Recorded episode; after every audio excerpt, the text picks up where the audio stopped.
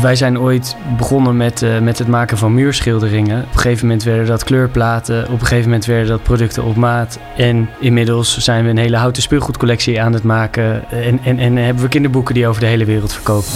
De duurzaamheid, groene energie, inclusiviteit, biodiversiteit, gezonde voeding. En dat vind ik te gek om aan de hand van dat soort thema's kids op een toffe manier te inspireren. Welkom bij Jong en Ondernemend. In deze podcast praat Oscar met bevlogen en eigenzinnige ondernemers. Waarvoor komen ze hun bed uit? Wat kunnen we van ze leren? Van brute blunders tot zinderend succes. Ze nemen je mee in het hele proces. Dit is Jong en Ondernemend. Dit is Jong en Ondernemend, de podcast. In aflevering 4 het verhaal van illustrator en ondernemer Milo Power. Samen met zijn compagnon heeft hij een premium speelgoed designstudio. Hij vertelt hoe is zijn bedrijf stap voor stap gegroeid van turbo grote kleurplaten die hij verkocht vanuit de achterbak van zijn auto tot schitterend vormgegeven kinderboeken van wel 2 meter breed die inmiddels in de hele wereld verkocht worden. Alles over zijn maatwerkopdrachten voor voetbalclub Liverpool en het Rijksmuseum en zijn crowdfundactie voor een set houten speelgoeddieren die ook nog eens volledig lokaal, sociaal en duurzaam geproduceerd zijn. Veel plezier bij het inspirerende verhaal van Milo Power.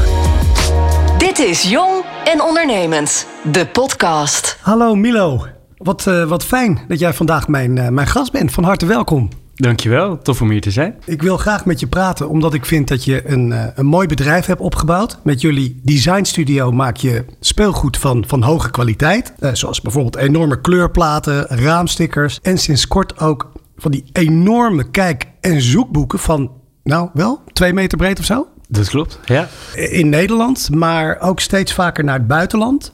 Ook verzorgen jullie steeds vaker maatwerkopdrachten voor bedrijven en organisaties, zoals bijvoorbeeld voetbalclub Liverpool en hotelketen Citizen M en Bol.com. Mm Nou, daar wil ik uh, natuurlijk graag alles over horen. Ook wil ik graag alles over horen over jullie de groei. Uh, waar loop je tegenaan met je bedrijf? Jullie manier van werken. Wat ik begrepen heb is dat jullie heel veel waarde hechten aan, aan lokaal, sociaal en, en duurzaam, hè? Ja, klopt. Ja, helemaal. En dat is prachtig dat dat uh, zo hoog in het vaandel staat. En je bent met een ontzettend mooi crowdfunding project bezig, hè? Ja, daar, daar zullen we het straks zeker over hebben. Maar dat, uh, dat is een onwijs, onwijs tof project om aan te werken. Maar eerst, om jou wat beter te leren kennen. Hoe oud ben jij, Milo? 35 ben ik.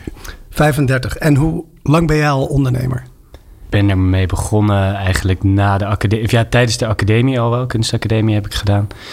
Dat zou, ik denk, 13 jaar of zo dan uh, inmiddels. Ja. Als jij op een verjaardagsfeestje komt, zo'n gezellige waar iedereen in een kring zit. en bijvoorbeeld je tante uit Huizen vraagt: Milo, wat doe jij voor de kost? Wat zeg jij dan? Dan zeg ik: uh, Ik ben illustrator. En samen met mijn compagnon runnen we een uh, speelgoed design studio. Dat heet Maki. Maki is eigenlijk een verbastering van het woord maken, omdat we kids willen inspireren om creatief aan de slag te gaan. En dan het liefst uiteraard met onze producten. En dat varieert van turbogrote kleurplaten tot raamstickers, plaktattoos, nou hele avonturenpakketten.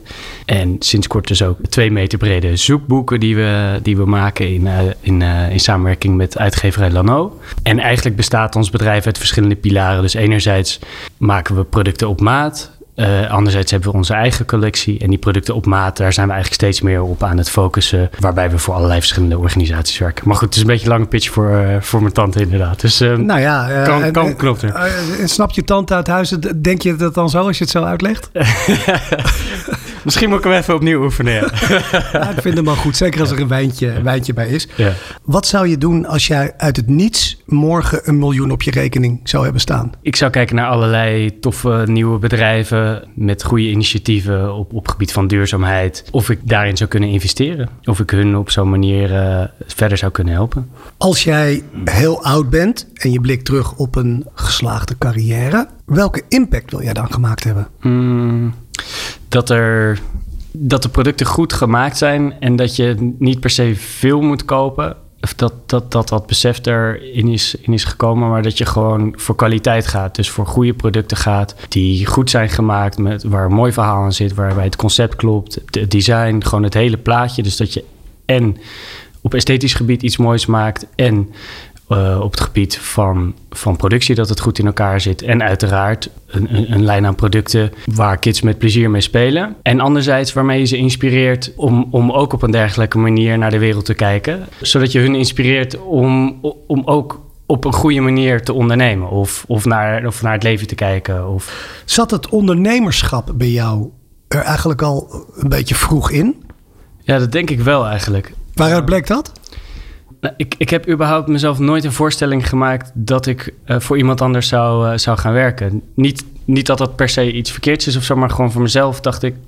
Ja, ik, ik zag dat eigenlijk nooit zo, nooit zo gebeuren. Ik dacht, nou cool, ik ga gewoon iets doen of iets maken. En ik, niet dat ik daar nou een heel concrete voorstelling bij had, maar ja, dat ontstond ook, uh, ontstond ook vanzelf. En tijdens de academie kwamen er kansen en uh, merkte ik gewoon dat ik goed contact kon leggen met mensen en dat op basis daarvan eerste kleine opdrachten uit voortkwamen. Welke academie heb je gedaan? ik heb de kunstacademie gedaan in Rotterdam. En afdeling, of tenminste richting illustratie heb ik, heb ik daar gedaan. En, en ja, qua dat ondernemen, dus dat, dat, daar kwamen toen al de eerste kleine opdrachten. Met een paar vrienden hadden we een, uh, hadden we een illustratiecollectief uh, opgericht. En eigenlijk alle, alle opdrachten, het, het, hele contact en alle regelen, uh, dat ging eigenlijk altijd via mij. Wat voor soort uh, opdrachten deden jullie dan met dat collectief? Bijvoorbeeld uh, het ontwerpen van stages voor, voor grote, grote festivals. of muurschilderingen maken voor dat soort festivals. Eigenlijk waren dat een beetje, een beetje de, de, de, de, klussen. En kregen we of weinig betaald of misschien een beetje. En dan vooral gewoon gratis kaartjes en bier. En, nou, dat lijkt mij de mooiste vorm van betaling. ja, dat was prima. Leeftijd. Ja, zeker. Ja, ja dus dus ja. daar was je eigenlijk al ondernemend bezig. Ja, ja op die manier uh, uh, proefde ik inderdaad een beetje aan het ondernemen. Wat heb jij gedaan na je opleiding? Toen ben ik uh, eigenlijk, ik had al mijn eigen bedrijf, gewoon om facturen uit te kunnen sturen voor die opdrachten tijdens de academie. En daar ben ik eigenlijk gewoon mee verder gegaan. En omdat ik nog niet direct daarvan kon leven, ben ik naar een kroeg gegaan en gezegd: Joh, kan ik hier een paar, paar dagen in de week werken? Toen zei, keek hij naar mijn cv en zei hij: Oh, heel. Maar je hebt de academie gedaan. Nou, we hebben een nieuwe menukaart nodig. Nou, top. Dus eindigde in de hele huisstijl ontwikkelen voor hem.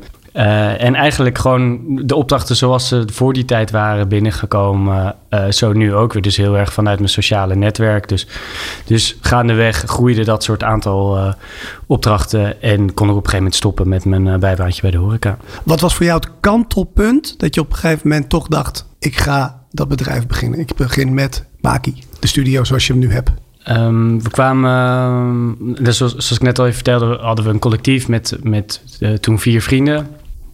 En op een gegeven moment werden we gevraagd voor uh, muurschildering in dat hoofdkantoor van, van die festivalorganisator. En dat was een te grote klus om met z'n vieren aan te pakken. Uh, dus toen vroeg ik uh, Idris, mijn huidige compagnon, van hey, zullen wij die samen oppakken? En vanaf daar dachten we, hey shit, dit is eigenlijk wel vet om, om gewoon voor kinderkamers te gaan doen. En misschien moeten we die nieuwe markt betreden om die muurschilderingen te gaan maken. Want onze stijlen waren in die tijd heel erg naar elkaar toegegroeid, allebei heel simpel grafisch en, en, en, eenvoudig. En vanaf daar is, is dat eigenlijk verder gegroeid. Toen zijn we gestart om in, mijn studio uh, gewoon met MDF-panelen tegen de muur aan te, aan te schroeven. Illustraties gemaakt. Toen zijn we naar een interieurwinkel gegaan. Toen hebben we onze illustraties, onze muurschildering in die ruimtes geshopt. En op zo'n manier een beetje portfolio uh, opgebouwd. En daarmee zijn we bijvoorbeeld naar kinderdagverblijven toe, toegegaan en gezegd: hey, dit is ons portfolio. Jullie hebben een lege ja. muur. Zou dat niet tof zijn voor een jullie kinderdagverblijf? En dat, dat is eigenlijk de start geweest van, uh, van Maken. Dit is Jong en Ondernemend, de podcast. Zo'n zeven jaar geleden sprong je dus echt in het diepe. En je begon je bedrijf uh, Maki. Ja, samen met, uh, met mijn compagnon, Idris, uh, Idris van Heffen. Hebben jullie nog een specifieke taakverdeling? Ja, zeker. Ja, ik, ja, Idris is, er, is gewoon een meestertekenaar. De, maakt niet uit wat je tegen hem zegt en hij tekent het. Dat is het stuk dat, dat hij voornamelijk, uh, voornamelijk doet. En meer het, het, het, hele zakelijke en het leiden van het bedrijf. Dat is meer mijn, mijn pakkie aan. Leg even uit wat jullie nou precies doen. We hebben een, een collectie eigen producten. Dus dat zijn grote kleurplaten, raamstickers, plaktattoos, avonturenpakketten. Die kleurplaten, ja. die zijn echt fantastisch. Het is dat ik geen kind meer ben, maar die dingen zijn twee meter, hè? Eh, nou, ander, anderhalve meter Of hoog. anderhalve ja, meter? Ja, 90, 90 centimeter bij anderhalf. Ja, ja. Ik heb er ook één in, eh, in, in de voorbereiding op dit gesprek eentje, eentje van je gekregen. Maar ook volwassenen eh, krijgen weer de sterretjes in hun ogen als ze, als, ze de, als ze ze zien. Ja, het is heel tof. We hebben, dat was ons eerste product en nog steeds is dat een van onze hardlopers. En het is, we hebben daar inmiddels zoveel foto's van gezien van kids die daarmee spelen en die op de grond liggen of op tafel of aan de muur hangen. eh, met vriendjes, vriendinnetjes, eh neefjes, nichtjes. Ja. ja. gewoon met z'n allen samen spelen. Maar ook, ook vaak als, als familiebezigheid dat, dat de ouders ook meekleuren en dat ze, dat ze samen met z'n allen daaraan aanwerken. Ja, tof. fantastisch. Maar Ja. ik, ik onderbrak jou eigenlijk. Jij was aan het uitleggen wat je aan het doen was. Dus je hebt de eigen product. Ja, klopt. Ehm, ja, grote kleurplaten. En, de, en, de, en enerzijds de, de, de, de, eigen collectie en anderzijds allerlei producten op maat. Had jij eigenlijk grote investeringen nodig om, om je bedrijf te beginnen? Nee, dat viel wel mee. We hebben van een, van een paar vrienden, dat was het natuurlijk te gek, eh, die hebben ons eh, wat geld geleend. En, eh, en Idris en ik hebben zelf wat geld erin gestoken. Maar, Zijn dat nog steeds je vrienden? Ja, gelukkig wel. Ja, dus je hebt ze in ieder zeker, geval zeker. inmiddels terugbetaald. Eentje is afbetaald, de ander bijna. Dus eh, nee, zeker, zeker. Wat ik me afvraag, hè, waarom, eh, want jullie hebben natuurlijk die hele mooie goede design skills in de basis. Waarom heb je eigenlijk juist gekozen voor, voor de kinderspeelgoedmarkt? Ja, dat was niet in die zin een onwijs bewuste keuze. Het was meer dat onze tekenstijlen zich heel erg eh, ja, naar grafisch eenvoudig, ja, dus, dus heel herkenbare vormen op die manier ontwikkelden. En dan is er eigenlijk als logisch gevolg daarvan. eh, is, is het, is het tof om eh, producten voor kids te gaan ontwikkelen. Dus eigenlijk meer vanuit dat is het ontstaan. Maar vervolgens is het natuurlijk te gek om te zien hoe enthousiast de kids met onze producten aan de slag, eh, aan de slag gaan. Dus het was niet zozeer een bewuste keuze op voorhand, maar wel blij dat we die keuze hebben gemaakt. Nou, dan heb je altijd een begin van een onderneming. Als je terugkijkt op die tijd, dan had je een eerste product, hè? Dus waarmee je echt startte. Ons eerste product was dus turbo grote kleurplaat, thema stad. Dat was echt het allereerste waarmee jullie starten. Ja, klopt. Maar Ja. goed, die heb je dan en dan moet het nog wel verkocht worden. Ja, ja, nee, dat ging lekker. Nee, was, eh, Vertel eens, hoe ging dat? Ja, dat, dat, dat was heel tof. Ja, letterlijk. Het, bestaat uit een, uit een envelop. Die moest eh gezeefdrukt worden, de titel. En er zat een verpakkingssticker op. En vervolgens gewoon achter in de auto laden. En heel Nederland doorrijden. En zeggen, winkel binnenstappen. En zeggen, hey, Nou, eh, wacht even. Je ja. zegt winkel binnenstappen, maar want jullie wilden je tekeningen aan winkeliers verkopen, toch? ja, ja, klopt. Ja, dat leek ons een logische stap. Oké, maar daar had je verder geen enkele ervaring in? Nee. In- in- dus Nee. in de auto? Oké, nee, Nee. dat ik hem ook begrijp. Ja, ja. En toen? Nou, werd goed op gereageerd. Ehm, Maar, je, maar jij had een afspraak van tevoren of je stapte gewoon die winkel binnen? Nee, ik stapte gewoon binnen en dan, eh, dan liep ik een rondje door die winkel en dan liep ik naar die winkelier toe en zei ik, nou, gewoon mooie winkel en eh, toffe producten. Ik ben illustrator, we, we, we hebben een, eh, een, een mooi product wat, wat denk ik goed bij uw winkel past. Heeft u even tijd om, het, om, om er naar te kijken? Nou, gewoon deels naïviteit en, eh, en, Ja. en, en gewoon maar proberen. De ene winkelier reageerde er heel leuk op en de ander eh, zei van, nou, ik heb nu geen tijd of eh, joh, je moet een afspraak maken. Nou, eh, ook begrijpelijk, prima. Wat voor soort winkels waren het eh, over het algemeen? Concept stores, kinderboekwinkels, eigenlijk voornamelijk museumwinkels ook, eh, interieurwinkels. Dus wel niet, niet de Intertoys en de Bart Smit, zullen we maar zeggen. Kan jij je nog herinneren? Dat is voor heel veel ondernemers eh, altijd een, eh, een magisch moment. Hè? Laten we zeggen, de eerste keer. Mhm. eh, wanneer jullie voor het eerst echt je producten bij zo'n winkel verkochten. Staat dat momentje nog bij? Ja, ik denk dat dat de kleine kapitein is geweest in, eh, in Rotterdam, natuurlijk onze thuisstad. Eh, dus, dus hij was zeker onze, onze eerste klant. En eh, nou ja, we kregen wekelijks weer, weer nieuwe bestellingen, omdat het gewoon in het begin heel, heel hard was. En dat was ook voor ons wel een goed inzicht dat iedereen kent natuurlijk een kleurplaat. Maar het feit dat die turbo groot is, maakt het ineens interessant. Dus mensen snappen het wel van oké, het is een kleurplaat. Dus je hoeft niet iets helemaal moeilijk en nieuws eh, uit te leggen. Maar het feit dat je er net iets anders mee doet, maakt het interessant. Oké Milo, dus jullie reden het hele land af met allemaal van die kleurplaten achter in je auto. Hoeveel winkels had je uiteindelijk eh, als klant? Ja, ik, ik denk een stuk of 20, 30 of zo. Ja, op een gegeven moment nog wel meer, maar...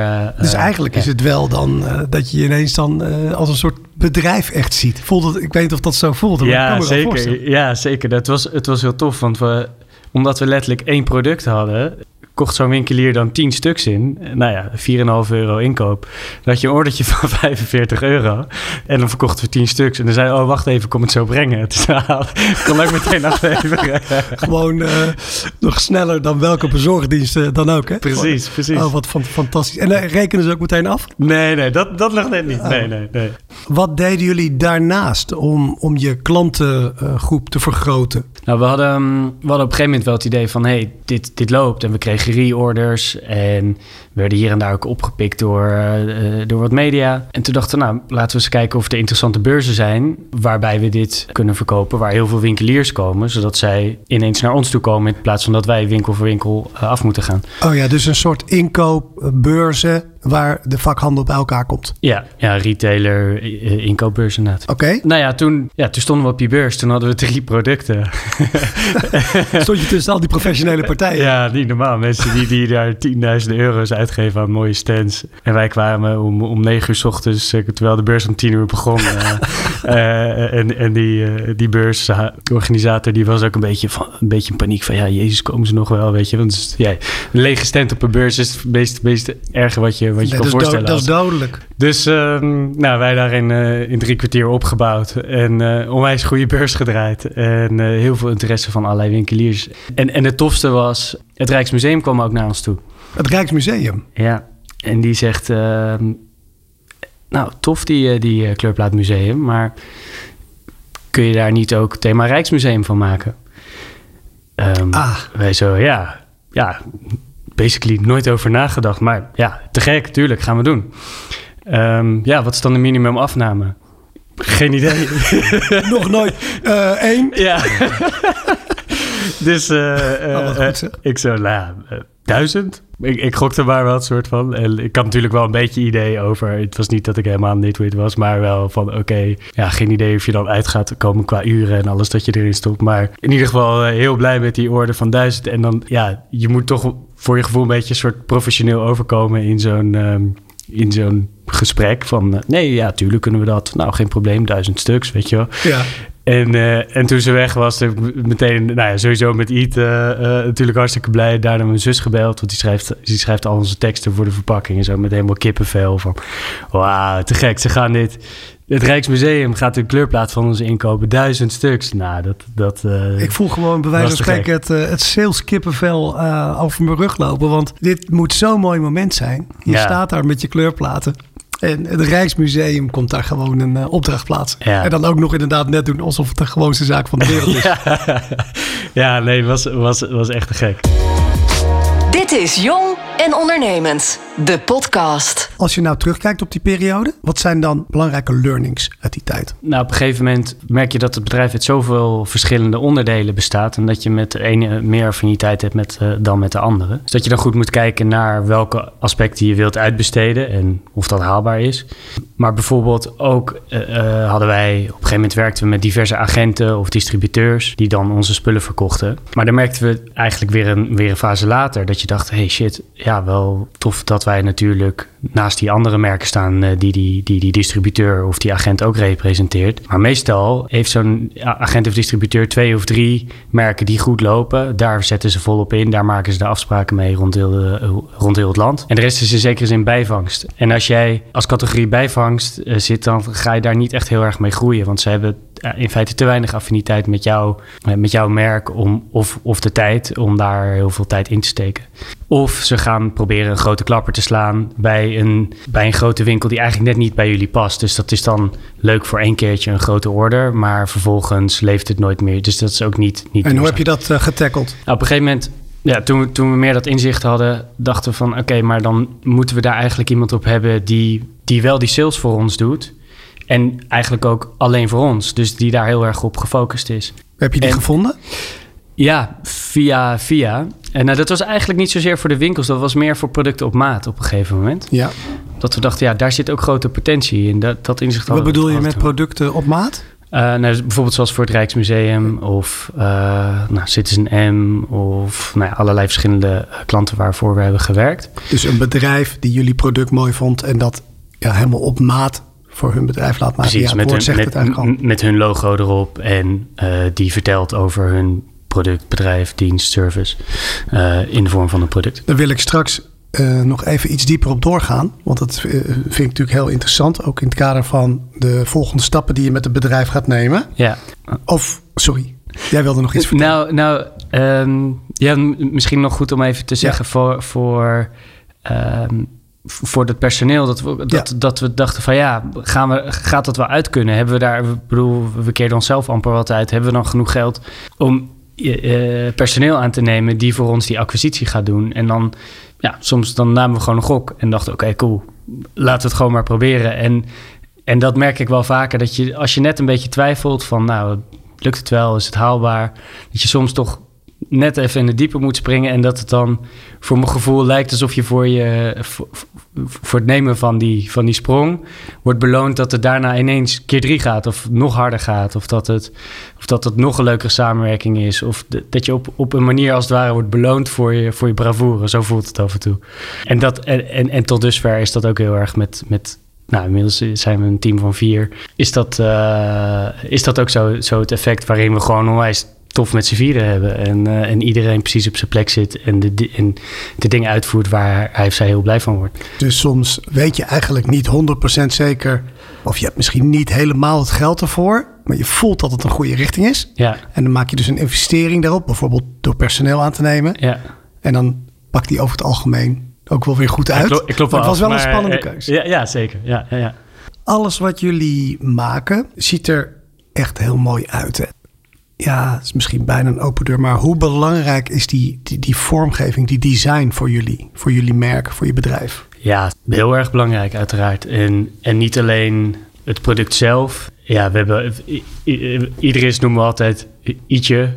En dan is hij Ietje precies. En ik ben Milo Mierenneuk. Dus we zijn echt tot in de laatste details om uh, om te zorgen dat het product uh, totaal klopt en dat het goed in elkaar zit. Dat de productie netjes is en dat je gewoon, als je een premium product hebt, dat het dus ook echt goed eruit ziet. En dat het ook goed is geproduceerd. Wat we, wat we daarnaast zeker doen, is goede foto's maken van dat je heel goed kunt zien hoe het product wordt gebruikt. En dat kids er plezier aan beleven om met onze producten aan de slag te gaan. En dat zeker in het begin was dat echt wel een flinke investering. En die zag je echt niet meteen 1, 2, 3 terug. Maar uh, we gebruiken nog steeds de foto's van zeven jaar geleden. Omdat je daar nog steeds heel duidelijk het gevoel van de kleurplaat in, in, in terugziet. En hoe kids daarmee spelen. En dat, um, dus dat is onwijs belangrijk. En, en dat gebruiken we vervolgens ook weer die foto's in ja, bitbooks noem ik ze. Dus, dus conceptaanbiedingen voor uh, klanten op maat. Op onze website komt het terug. Op social media. In onze catalogie die we uitsturen naar de retailers. Dus overal kun je die foto's zo ontzettend goed voor gebruiken. Dat je helemaal die sfeer goed neer kunt zetten. Dat, dat is zeker ontzettend belangrijk geweest voor ons. Steeds. dus jullie investeren echt wel in je uitstraling en je design. Levert dat nou ook weer een nieuw soort klant op? Ja, wat ik, wat ik denk dat daar heel erg bij helpt, is dat het ons als een credible partij ziet. Dus dat wij echt een serieus bedrijf zijn. Bijvoorbeeld um, op een beurs een keer liep ik naar, uh, naar de stand toe van uitgeverij Lano. Dat is namelijk ja, als, als illustrator is het sowieso een droom om een kinderboek uit te brengen. En in mijn geval helemaal met uitgeverij Lano. Want zij hadden Tom Schamp en dat is... Uh, of tenminste, zij gaf heel veel boeken uit van Tom Schamp. En dat is, nou ja, wel een idool van mij. Uh, en Lano is een hele beroemde, grote Belgische uitgeverij die al heel lang bestaat, hè? Klopt, ja. Terra Lano, is een Belgisch-Nederlandse uitgeverij. En bestaat al 111 jaar volgens mij, ja. vorig jaar. Dus jij stapt daarop af? Ja, dus, dus, dus ik loop daar, daar, daar naartoe. Ik zeg, hey, eh, tof, uh, jullie hebben te gekke boeken. Ik ben Milo van Maki. Oh ja, ja, ken jullie wel? Oh ja, ja, nou, fijn om te horen. En uh, ja, van de kleurplaten, ja. Nou, ik zo, het lijkt mij te gek als wij ooit een keer kunnen samenwerken... dat wij misschien een keer een kinderboek voor jullie kunnen, kunnen maken. Ik zei, nou, tof, ik ga het doorgeven aan uh, hoofd kinderboeken. En nou, ik ga wel even mijn best doen om een om afspraak te regelen. Nou, dus wij uh, op een gegeven moment de afspraak met Sophie, dus chef, uh, chef kinderboeken. Toen hebben we nou, een tof gesprek gehad. Ze zei van ja, we hebben nu nog niet echt iets concreets, maar als jullie goede ideeën hebben, doe een voorstel. Toen zijn Idris en ik uh, zijn we naar de Veluwe gegaan uh, in een of andere blokhut, bungalow.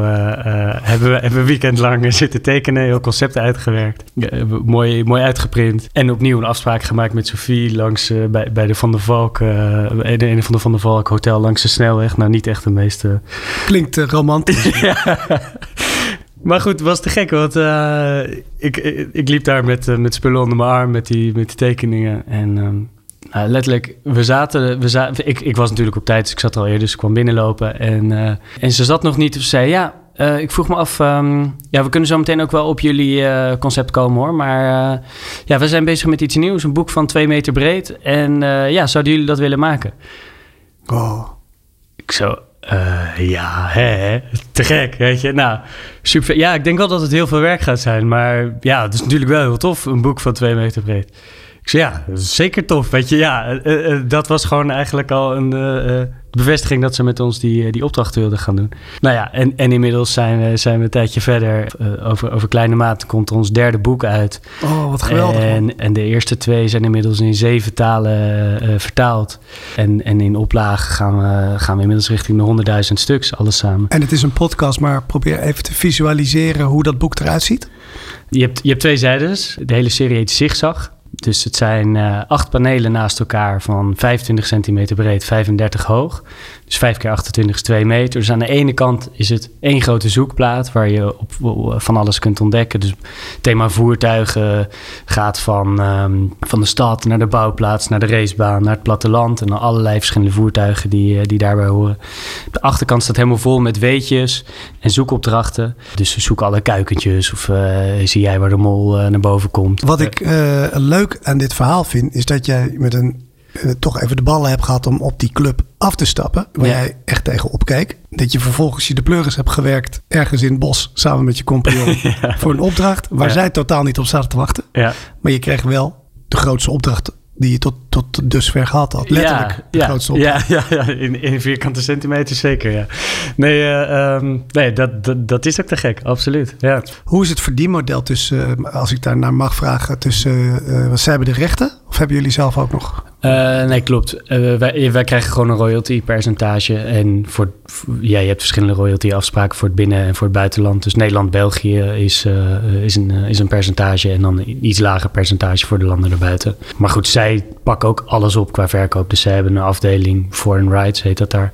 Dus zij, die afdeling is continu bezig om hun boeken onder de aandacht te brengen bij buitenlandse uitgeverijen. En noem nog even de, je zei het al net al, maar de, de nummers, de dus hoeveel edities zijn er op dit moment? De voertuigen en dinosaurussen gaan binnenkort in derde druk. De wereld rond is net uitgekomen. Dus uh, ja, het is, het is, ik weet niet precies de aantallen, maar volgens mij uh, het rond de 60, 70.000 op dit moment. Alles, alles samen, dus met Frankrijk, Duitsland, uh, Tsjechië, Slowakije, Italië, Finland. Dus dat is paar, paar weken geleden kregen we ook al die edities naar de studio gestuurd. Dus dat, dat is wat te gek. En, en met name ook die van Duitsland, want dat is met Penguin Random House. Dus dan hebben we dat, dat is al helemaal een droom om dat, om dat, uh, dat Penguin logootje op je boek te hebben. Dat is toch wel, uh, ja, dat, dat is te gek. Dit is Jong en Ondernemend, de podcast. Oké, okay, dus je hebt je, je eigen producten. Welke producten of diensten heb je daarnaast nog? Ja, daarnaast dus ja, tailor-made, zoals wij het noemen, dus op maat. En dat kan dus voor allerhande organisaties zijn. Uh, zoals we net al noemden, dus voor, uh, voor het Rijksmuseum, voor Linden. Nou, we zijn nu bezig met de kleurplaat voor Naturalis, um, Liverpool voetbalclub. En zo zijn we op een gegeven moment bij een grote energieleverancier uh, uitgekomen... die het als een soort loyalty-campagne uitbracht. Of tenminste, die, die daarvoor goede producten zocht... die dus niet te duur mochten zijn, maar wel naar honderdduizenden mensen gestuurd zou kunnen worden. Dus dat hebben we aan het begin van dit jaar gehad. Dus dat kreeg je als je bijvoorbeeld klant werd? Ja, of, of als je al langere tijd klant bent juist. Dat okay. je dan als een soort beloning mag je dan twee of drie keer per jaar een cadeautje uitkiezen. Dus okay. het varieert van Air Miles tot ja. een Zweeds puzzelboekje tot een kids doepakketje. Ja. Dat was begin van dit jaar. Dat was onze grootste order ooit. En, en over thema duurzame energie. Dus ja. ook nog waarmee, waarmee we kids iets kunnen leren over... Nieuwe wereldthema's, zoals wij het noemen. En dat is, dat is steeds meer de richting waarmee we met ons bedrijf op, op willen en wat heel erg in ons DNA zit. Wat versta je trouwens onder die nieuwe wereldthema's? Ja, de, uh, duurzaamheid, groene energie, inclusiviteit, biodiversiteit, gezonde voeding, dat soort thema's. En dat vind ik te gek om aan de hand van dat soort thema's kids op een toffe manier te inspireren. Ja, zodat we met z'n allen nog zo lang mogelijk uh, in goede gezondheid op de wereld rond kunnen, kunnen banjeren. Wat ik mooi vind, is dat in jullie bedrijf eigenlijk stap voor stap de meest mooie dingen ontstaan. Dus puur door te doen ontwikkelt zich eigenlijk weer het volgende. Hè? Eigenlijk, ze zeggen ook wel eens, een bedrijf is eigenlijk als een soort levend, levend organisme. Ja. Van het een komt het ander. Ja, ja, het is ook organische groei in die zin. Het is niet uh, van tevoren allemaal met Excel-sheets bedacht hoe uh, over tien jaar uh, de omzet zou moeten zijn. Dat, dat, dat duurzame werken, vertaalt dat zich ook in jullie eigen projecten? Ben je bijvoorbeeld op dit moment met, met iets nieuws bezig? Ja, zeker. en die komt eigenlijk voort uit nou, mijn moeder is onlangs verhuisd. Meer dan 50 jaar geleden heeft zij tijdens haar opleiding ergotherapie als handvaardigheidsoefening die ze met de kinderen kon uitvoeren, een serie houten speelgoeddieren gemaakt. Um, dus ik besprak het met Idris van, yo, vet, zullen wij, dit, zullen wij deze set nieuw leven inblazen? En dan in lijn met onze kernwaarden, dus om dat op zo goed mogelijke manier te doen. Bij mij in de studio zat een, uh, een industrieel ontwerper, dus ik vroeg aan hem van, want hij was ook bezig met het ontwikkelen van allerlei producten. Ik zei, ja, waar, laat je dat maken dan? Zei, ja, heel tof, hier bij een, uh, bij een sociale onderneming in de buurt, Delft. Werken met uh, allemaal mensen met afstand tot de arbeidsmarkt. Ja, die zouden, dat, die zouden dat mogelijk ook voor jullie kunnen doen. Nou, tof, daar een keer een afspraak gehad. En ik zat al in mijn hoofd met, oké, waar gaan we dat hout dan inkopen? En toen dacht ik, stadshout. Eén keer in zoveel tijd moet er een, weg aangelegd worden... of, of is een boom ziek of het moet er iets gebeuren. Dus moet er, moet er een boom omgezaagd worden. Dus toen heb ik daarbij geïnformeerd. Maar toen kwam ik op die afspraak bij Stichting Stunt, heet dus, bij Hein. En die zei, oh ja... Ik, Stichting Stunt is die... Uh... Sociale onderneming, ja. ja, ja. Betrekking tot, de, tot de arbeidsmarkt. Ja, nou sowieso kwam ik daarop binnen uh, samen met, met, met Idris en gekke mooie, mooie werkplek. Gewoon een, een, een, oud pand wat ze helemaal hebben opgeknapt. Met, met een, een, een fietsenmaker zit erin. Een, een, naaiatelier. Een mooie, mooie houtwerkplaats. Gerecycled plastic. Dus eigenlijk met allerlei soorten restmateriaal creëren zij weer nieuwe producten. Uh, dus we kwamen naar binnen. Hij zei, ja, ik ken wel iemand bij uh, Staatsbosbeheer. Uh, hier heb je zijn nummer, moet je maar eens bellen. Want ja, zij hebben ook een hoop hout. Dus misschien kun je bij hem wat inkopen. Te gek. Dus wij het hout bij, bij ik gebeld weer. Um, nou, dat is prima. Die, hij heeft nog wel wat beuken op voorraad. Beuken is meest geschikt voor houten speelgoed, omdat het uh, splintert niet. Nou, we wilden ook een deel wilden we gaan schilderen. Dus zijn we gaan kijken naar ecologische verf dus, uh, en, en een Nederlandse producent. Zodat we het eigenlijk in zijn geheel lokaal, sociaal en duurzaam konden gaan produceren. En toen dachten we van ja, dit is, dit is zo'n mooi verhaal. Om, voor ons klopt dit zo goed. Ook omdat we dus met de productie van zo'n collectie Stichting Stunt in staat stellen om een eigen CNC-freesmachine aan te schaffen. Dus dat is, dat is het apparaat waarmee uh, het gemaakt kan worden. Dacht ik, ja, weet je, aan alle kanten klopt dit verhaal. Hier moeten we eigenlijk een crowdfunding voor gaan inzetten. Waarbij allerlei mensen dus uh, een, een soort pre-order doen op het product. En als wij het doelbedrag halen, dan gaan wij in productie. En als we het doelbedrag niet halen, dan krijgen ze hun geld terug. Hoe heb je dat aangepakt? Um, nou, je hebt verschillende platforms daarvoor. Eentje die goed bij ons paste is uh, Crowdabout Now. Uh, nou, daarmee contact gehad. Nou, die, uh, die hebben ons heel goed daarin in begeleid. En om dat te financieren heb je dus onder andere die crowdfunding ingezet. Precies. En hoe, hoe, hoe liep dat? Hoe is dat gegaan? Dus, dus we hadden allerhande beeldmateriaal. de tekst was goed. Nou, we stonden weer op de beurs begin september. Daarmee presenteerden we het. Waren ook geselecteerd voor een bepaald uh, trendstuk op die beurs. Dus op basis daarvan, nou ja, we, het is nog nooit zo druk geweest bij ons op de beurs. Het was de twaalfde keer of zo dat we er stonden. De hele stand stond continu vol. We hebben, we hebben ontzettend veel goede reacties gehad. Uh, en dus al heel wat pre-orders. Dus dat waren eigenlijk de eerste mensen die dus... Wat heerlijk moet dat zijn, hè? Ja, dat was, dat was echt... Er gebeuren toch elke keer mooie dingen als jullie op die beurs gaan staan, hè? ja. Dat is toch wel een beetje de rode draad in jullie succes. Ja, ja, dus zeker. zeker. Dat, we hebben er ook elke keer wel wijze zin in om, om daar te staan. En, uh, maar dat, dat, dat, ja. uh, dat geeft natuurlijk een kick. Ja, absoluut. En daar zijn al, ja. uh, wat jij zegt, de eerste orders geplaatst. Ja, ze, ze adviseren eigenlijk bij dat crowdfunding platform om op 30% te staan voordat je officieel live gaat. Dus je moet eigenlijk eerst met vrienden en familie of nou ja, op, ja. op wat voor manier dan ook die 30% zien te bereiken. Friends, vanaf... family en fools, hè? Geloof ik. ja, precies. En, en, en vanaf daar uh, moet je die overige 70% natuurlijk ook nog zien te halen. Uh, we hadden het ook qua tijd mee, dus we zeiden op dierendag gaan we live. Dus dat was maandag. En op vrijdagavond, dus op maandag stonden we op 40% geloof ik. Op vrijdag op 58% van het doelbedrag. En toen was de Volkskrant magazine publicatie op die zaterdag. Dat was, dat was natuurlijk te gek. En op zondagavond stond op 98 procent. Ja, dat snap ik. Je had in het Volkskrant magazine echt een hele pagina hè, met jullie speelgoed. Ja. Met het houten speelgoed. Ja, dat was echt gek. Ja, en, en absoluut. de beste timing ever. Ja. Wel- Welk bedrag eh, was jullie doelbedrag? 12.500 euro. 12.500 euro. Ja, En heb je dat gehaald? ja, zeker. Ja, dus binnen, een, binnen 10 dagen hebben we het gehaald. Ja. Fantastisch. Het is los van het bedrag, kan ik me ook voorstellen dat het een hele goede vorm van, eh, van ook marketing is. Absoluut, ja, klopt. Omdat, omdat we ook echt een verhaal te vertellen hebben met over hoe het is geproduceerd.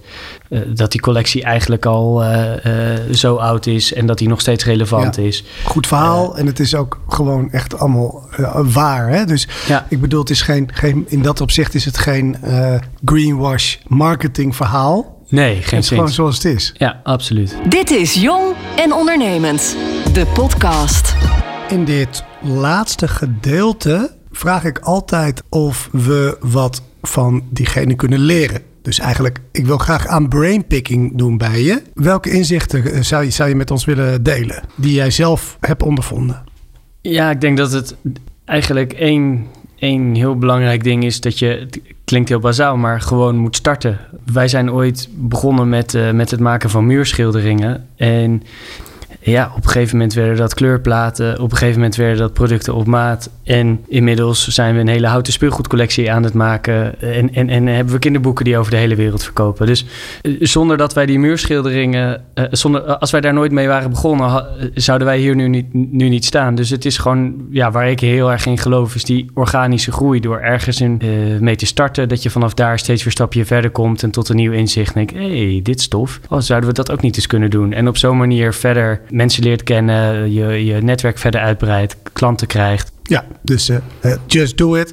Het ondergaan door te doen. Ja. Learning by doing. Heb je daarnaast nog meer tips? Ja, ik denk dat het nog, nog meer. Ik heb ook een keer gehoord van een, ehm, van een bedrijf. Toen was ik daar op, eh, op afspraak. En ik hoorde ineens iemand een, eh, zo'n belletje eh, laten rinkelen. Ik vroeg aan die gozer waarmee ik in gesprek was van... wat is dat? Ze zei, oh ja, we hebben, een, we hebben een grote nieuwe order. Dus elke keer als zij even iets van een moment hadden van een succes... dan op een manier eh, werd daar even bij stilgestaan. In plaats van dat je altijd maar doorgaat... oh, dit is vet, oh cool, dan kunnen we ook nog dat. Maar wees ook even blij met wat je dan wel hebt gehaald al. Oké, eh, vier je successen. Goeie tip. Kunnen we nog wat van je leren? Ja, dat is, dat is denk ik voor mij wel wat, wat het meest relevant is. Sowieso ben ik altijd wel heel erg bezig met... oké, waar, waar staan we en, en waar zie ik nog nieuwe kansen... en hoe kunnen we verder groeien... en wat zijn vette nieuwe producten of, of organisaties... waarmee we zouden willen samenwerken. Dus echt de innovatiekant. Ja, en dat ja, doe ik basically dag en nacht eigenlijk. Maar wat af en toe goed is om, om juist eventjes afstand te nemen van waar je nu mee bezig bent. En ik zelf doe dat altijd door op een rustige plek te gaan zitten. Dus uh, of, of ergens in de natuur of ergens in een café. En gewoon eens wat dingen op te schrijven van oké, wat gaat er nou niet goed? Wat gaat er wel goed? Waar, wat gaat op zich goed, maar kost mij veel tijd of energie? Of wat vind ik wel of niet leuk? En hoe zou ik dat anders kunnen inrichten? Dus echt samen gaan zitten, terugtrekken uit de dagelijkse hectiek. Ja. En een onderwerp nemen en daarover ja, reflecteren. Ja, bijvoorbeeld. Of, of eigenlijk ook gewoon heel, uh, heel simpel aan de hand van cijfers. Dus uh, je omzet nagaan. En uh, in ons geval, heb, nou, dat heb ik nog niet eens zo lang geleden gedaan. Toen zag ik van, hé, maar wacht even. Zo'n groot deel van de omzet komt uit TaylorMade. Dus de producten op maat die we maken. Wat relatief ten opzichte van het verkopen van de collectie veel, uh, in ons geval veel energie kost. Terwijl de marges zijn lager en de omzet is, is ook nog eens minder. Uh, dat wil niet zeggen dat we er afstand van doen, maar dat wil wel zeggen voor mij dan dat ik meer plezier haal uit, uit opdrachten op maat en meer omzet dus ook. Uh, dus dat het bedrijf verder kan groeien. Door juist op het andere te richten. Dus moeten kijken hoe kunnen we die collectie door laten gaan, maar wel op een manier dat, dat ik dat kan uitbesteden. Nou goed, dus dat, dat zijn we nu in werking een beetje aan het, aan het zetten. En ineens zien we dat die orders gewoon nog harder gaan eigenlijk. Ja, dat, dat, wat ik daarin herken, mm-hmm. dat is eigenlijk de wet van Pareto. En dat is de 80-20 regel, zoals die in de volksmond heet. Ja. Vaak is een relatief klein aantal daarom noemen ze dat de 20%, verantwoordelijk voor 80% van bijvoorbeeld de omzet. Ja. Of het netwerk, of Ja. de kennis. En als je je daar niet over nadenkt als bedrijf, dan ben je eigenlijk de hele dag brandjes aan het blussen. Ja, letterlijk. Ja. En door in zo'n reflectiesessie na te gaan denken, je zet gewoon je klant eens op een rij, maar je hangt daar ook andere waarden aan. Hè? Dus bijvoorbeeld lol, Absoluut. fun, Ja. wat het trouwens hetzelfde is, maar dan in het Engels. maar het klinkt interessanter. It's fun, you know? Dan gebeuren er magische dingen. Want dan kan je zeggen, hé, hey, die 20% die leveren eigenlijk ook nog het meeste omzet op. Die leveren het meeste plezier op. En die 80% die kosten me eigenlijk de meeste energie. Ja. Levert het minst op. En iemand anders kan beter dan ik. Exact. Ja. Overigens, ik had de meest fantastische compagnon, René Kugeler. En dan hadden wij ook zo'n sessie gepland. We hebben heel veel van dat soort terugtreksessies gedaan. We vergaten altijd alleen van tevoren een agenda te maken.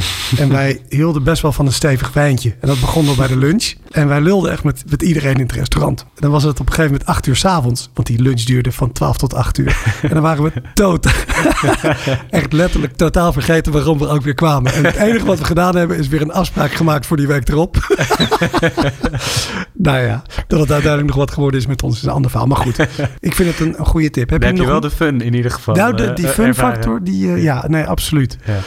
Heb jij nog een tip waarvan je zegt, nou, dat, dat, dat mag ik niet onthouden aan de wereld? Presenteer jezelf goed. Ja, dus je design. Ja, Ja. ja. dat is eigenlijk ook ons, ons DNA, onze, onze uitstraling. Dat Ja. het er gewoon professioneel en, en, en lekker uitziet. Ja, Zeker. gewoon, ja, als mensen dan vragen, ja, waarom? Ja, mooie dingen vinden mensen leuker dan, dan lelijke, lelijke dingen. Sorry, Ja. daarom heb ik het ook Ja. bij een podcast gehouden. ik zie dat jij je glazen bol vandaag hebt meegenomen. Daar ben ik blij mee, want mijn vraag is...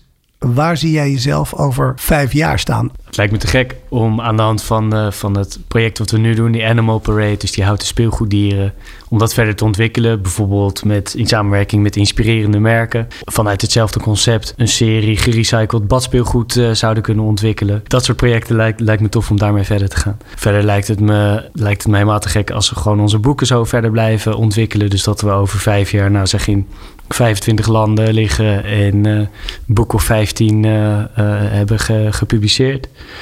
En wat me eigenlijk het allertofste lijkt, dat is al helemaal een soort kinderdroom om een soort speeltuin te maken. Eigenlijk de wereld van maken, waar, wat eigenlijk een soort museum experience eh, eh, omgeving wordt. eh, waarin we kinderen uit kunnen nodigen in de wereld van Maki. Dat, dat, dat, dat zijn wel mooie dromen die ik in de komende vijf jaar zou willen verder uitontwikkelen. Ehm, ik wil jou ontzettend bedanken voor het delen van jouw kennis, inspiratie en ook het verhaal en de lol waarmee je dat ook doet. Ik, eh, ja, ik denk dat je echt trots mag zijn op je bedrijf en ik hoop dat je ook zo, eh, zo, zo, eh, ja, zo doorgaat. Want ja, dat is toch altijd belangrijk hè? dat je diezelfde energie erin weet te houden de komende jaren. Ja, absoluut. Dat hoop ik van harte. Dankjewel. Ontzettend bedankt en ehm, ik hoop jou dan over vijf jaar nog even weer terug te, te halen om te kijken of, of al je plannen gelukt zijn. Wil je ben dat? benieuwd. Ja, nee, lijkt me te gek. Ik ben er zeker. Ja, tof. Bedankt voor het luisteren naar Jong en Ondernemend. Graag tot de volgende aflevering.